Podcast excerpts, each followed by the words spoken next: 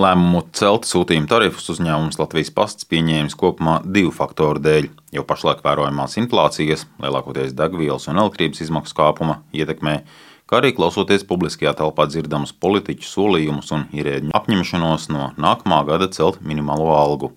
Tā skaidro Latvijas pasta valdes loceklis Kristaps Krūmiņš. Tās prognozes, kas ir izskanējušas publiski, viņas liecina par to, ka varētu būt aptuveni 30% šis paredzamais atalgojuma palielinājums no 1. janvāra. Un, uh, attiecīgi, tad arī mēs paredzam mūsu darbiniekiem, gan tiem, kas strādā pastu nodaļās, gan arī pastniekiem pārskatīt atalgojumu šādā te apmērā. Bet uh, tas, ko uzreiz vēlos teikt, ka mēs to cenu sadārdzinājumu neesam iestrādājuši tarifos, kā es te piesaucu 30%, bet esam raduši iespējas veikt dažādas efektivizācijas pasākums un um, rast risinājumus, lai sniegtu pakalpojumus viedāk vai gudrāk. Kā liecina pasta komersantu reģistra dati, Latvijā pasta pakalpojumus sniedz ap 70 dažādu uzņēmumu. Nozares pārstāvi tādu konkurenci vērtē kā gana nozīmīgu, un to min kā vienu no iemesliem, kādēļ piegādātāji vispārējās inflācijas laikā līdz šim savas cenas mainījuši maz vai nemaz. Taču par pakalpojumu sadārzinājumu nākotnē komersanti runā negribīgi. Piemēram, DPD Latvija atklāti pateica, ka par cenu tēmu runāt negrib nemaz. Atsaucīgāks sarunai ir Omnio Latvija loģistikas vadītājs Guntis Mičuļs. Ja runā par mūsu pakalpojumu cenām, tad gan mēs joprojām cenšamies pakalpojumu cenas eh, nemainīt radikāli.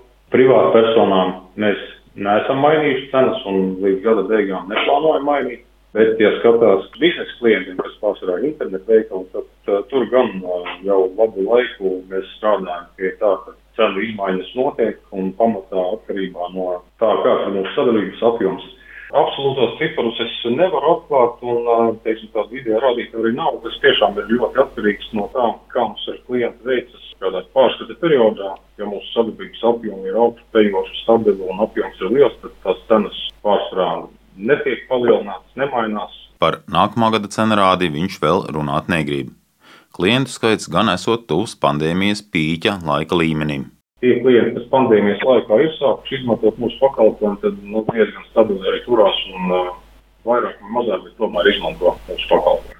Tad to skāpīšu pielikšana ir attaisnojusies. Ja? Noteikti tā bija ļoti sāpīga problēma, kuru mēs līdz šī gada sākumam arī centāmies risināt, jo pagājušā gada beigas bija ļoti, ļoti grūtas mums, jo tas apjoms, kas bija jāatstrādā un pieprasījums ļoti stipri pārsniedz mūsu tehniskās iespējas, bet šobrīd situācija ir ļoti laba. Gada sākumā mēs paplašinājām pakomātu tīklu ļoti būtiski un šobrīd mēs varam nodrošināt ļoti labu kvalitāti un noteikti tas ir attaisnojums.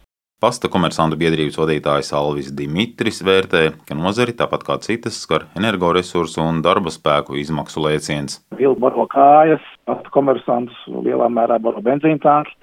Skaidrs, ka cenas celsies. Kurā brīdī celsies, par cik procentiem celsies, kuriem klientiem un par kādiem pakalpojumiem tieši celsies. Pat labāk precīzi pateikt nevar. Komersanti ir noslēguši dažādu veidu līgumus par šo parasti kurjeru pastu pakalpojumu sniegšanu. Tas ir tas galvenais pakalpojumu veids. Ir līgumi, kuros ir paredzētas kaut kādas izmaiņas, ir iestrādāti dažādi degvielas koeficienti un tam līdzīgas lietas. Bet tā ļoti konkrēti pateikt, diemžēl nevaram. Uzņēmēji mēģinot situācijai pielāgoties, piemēram, pilsētās sākot izmantot elektrotransportu kurjeru pakalpojumiem. Cenas kādu laiku noturēt, ļaujot arī optimāli izstrādātas loģistikas, jeb piegāžu sistēmas. Edgars Kupčs, Latvijas Radio.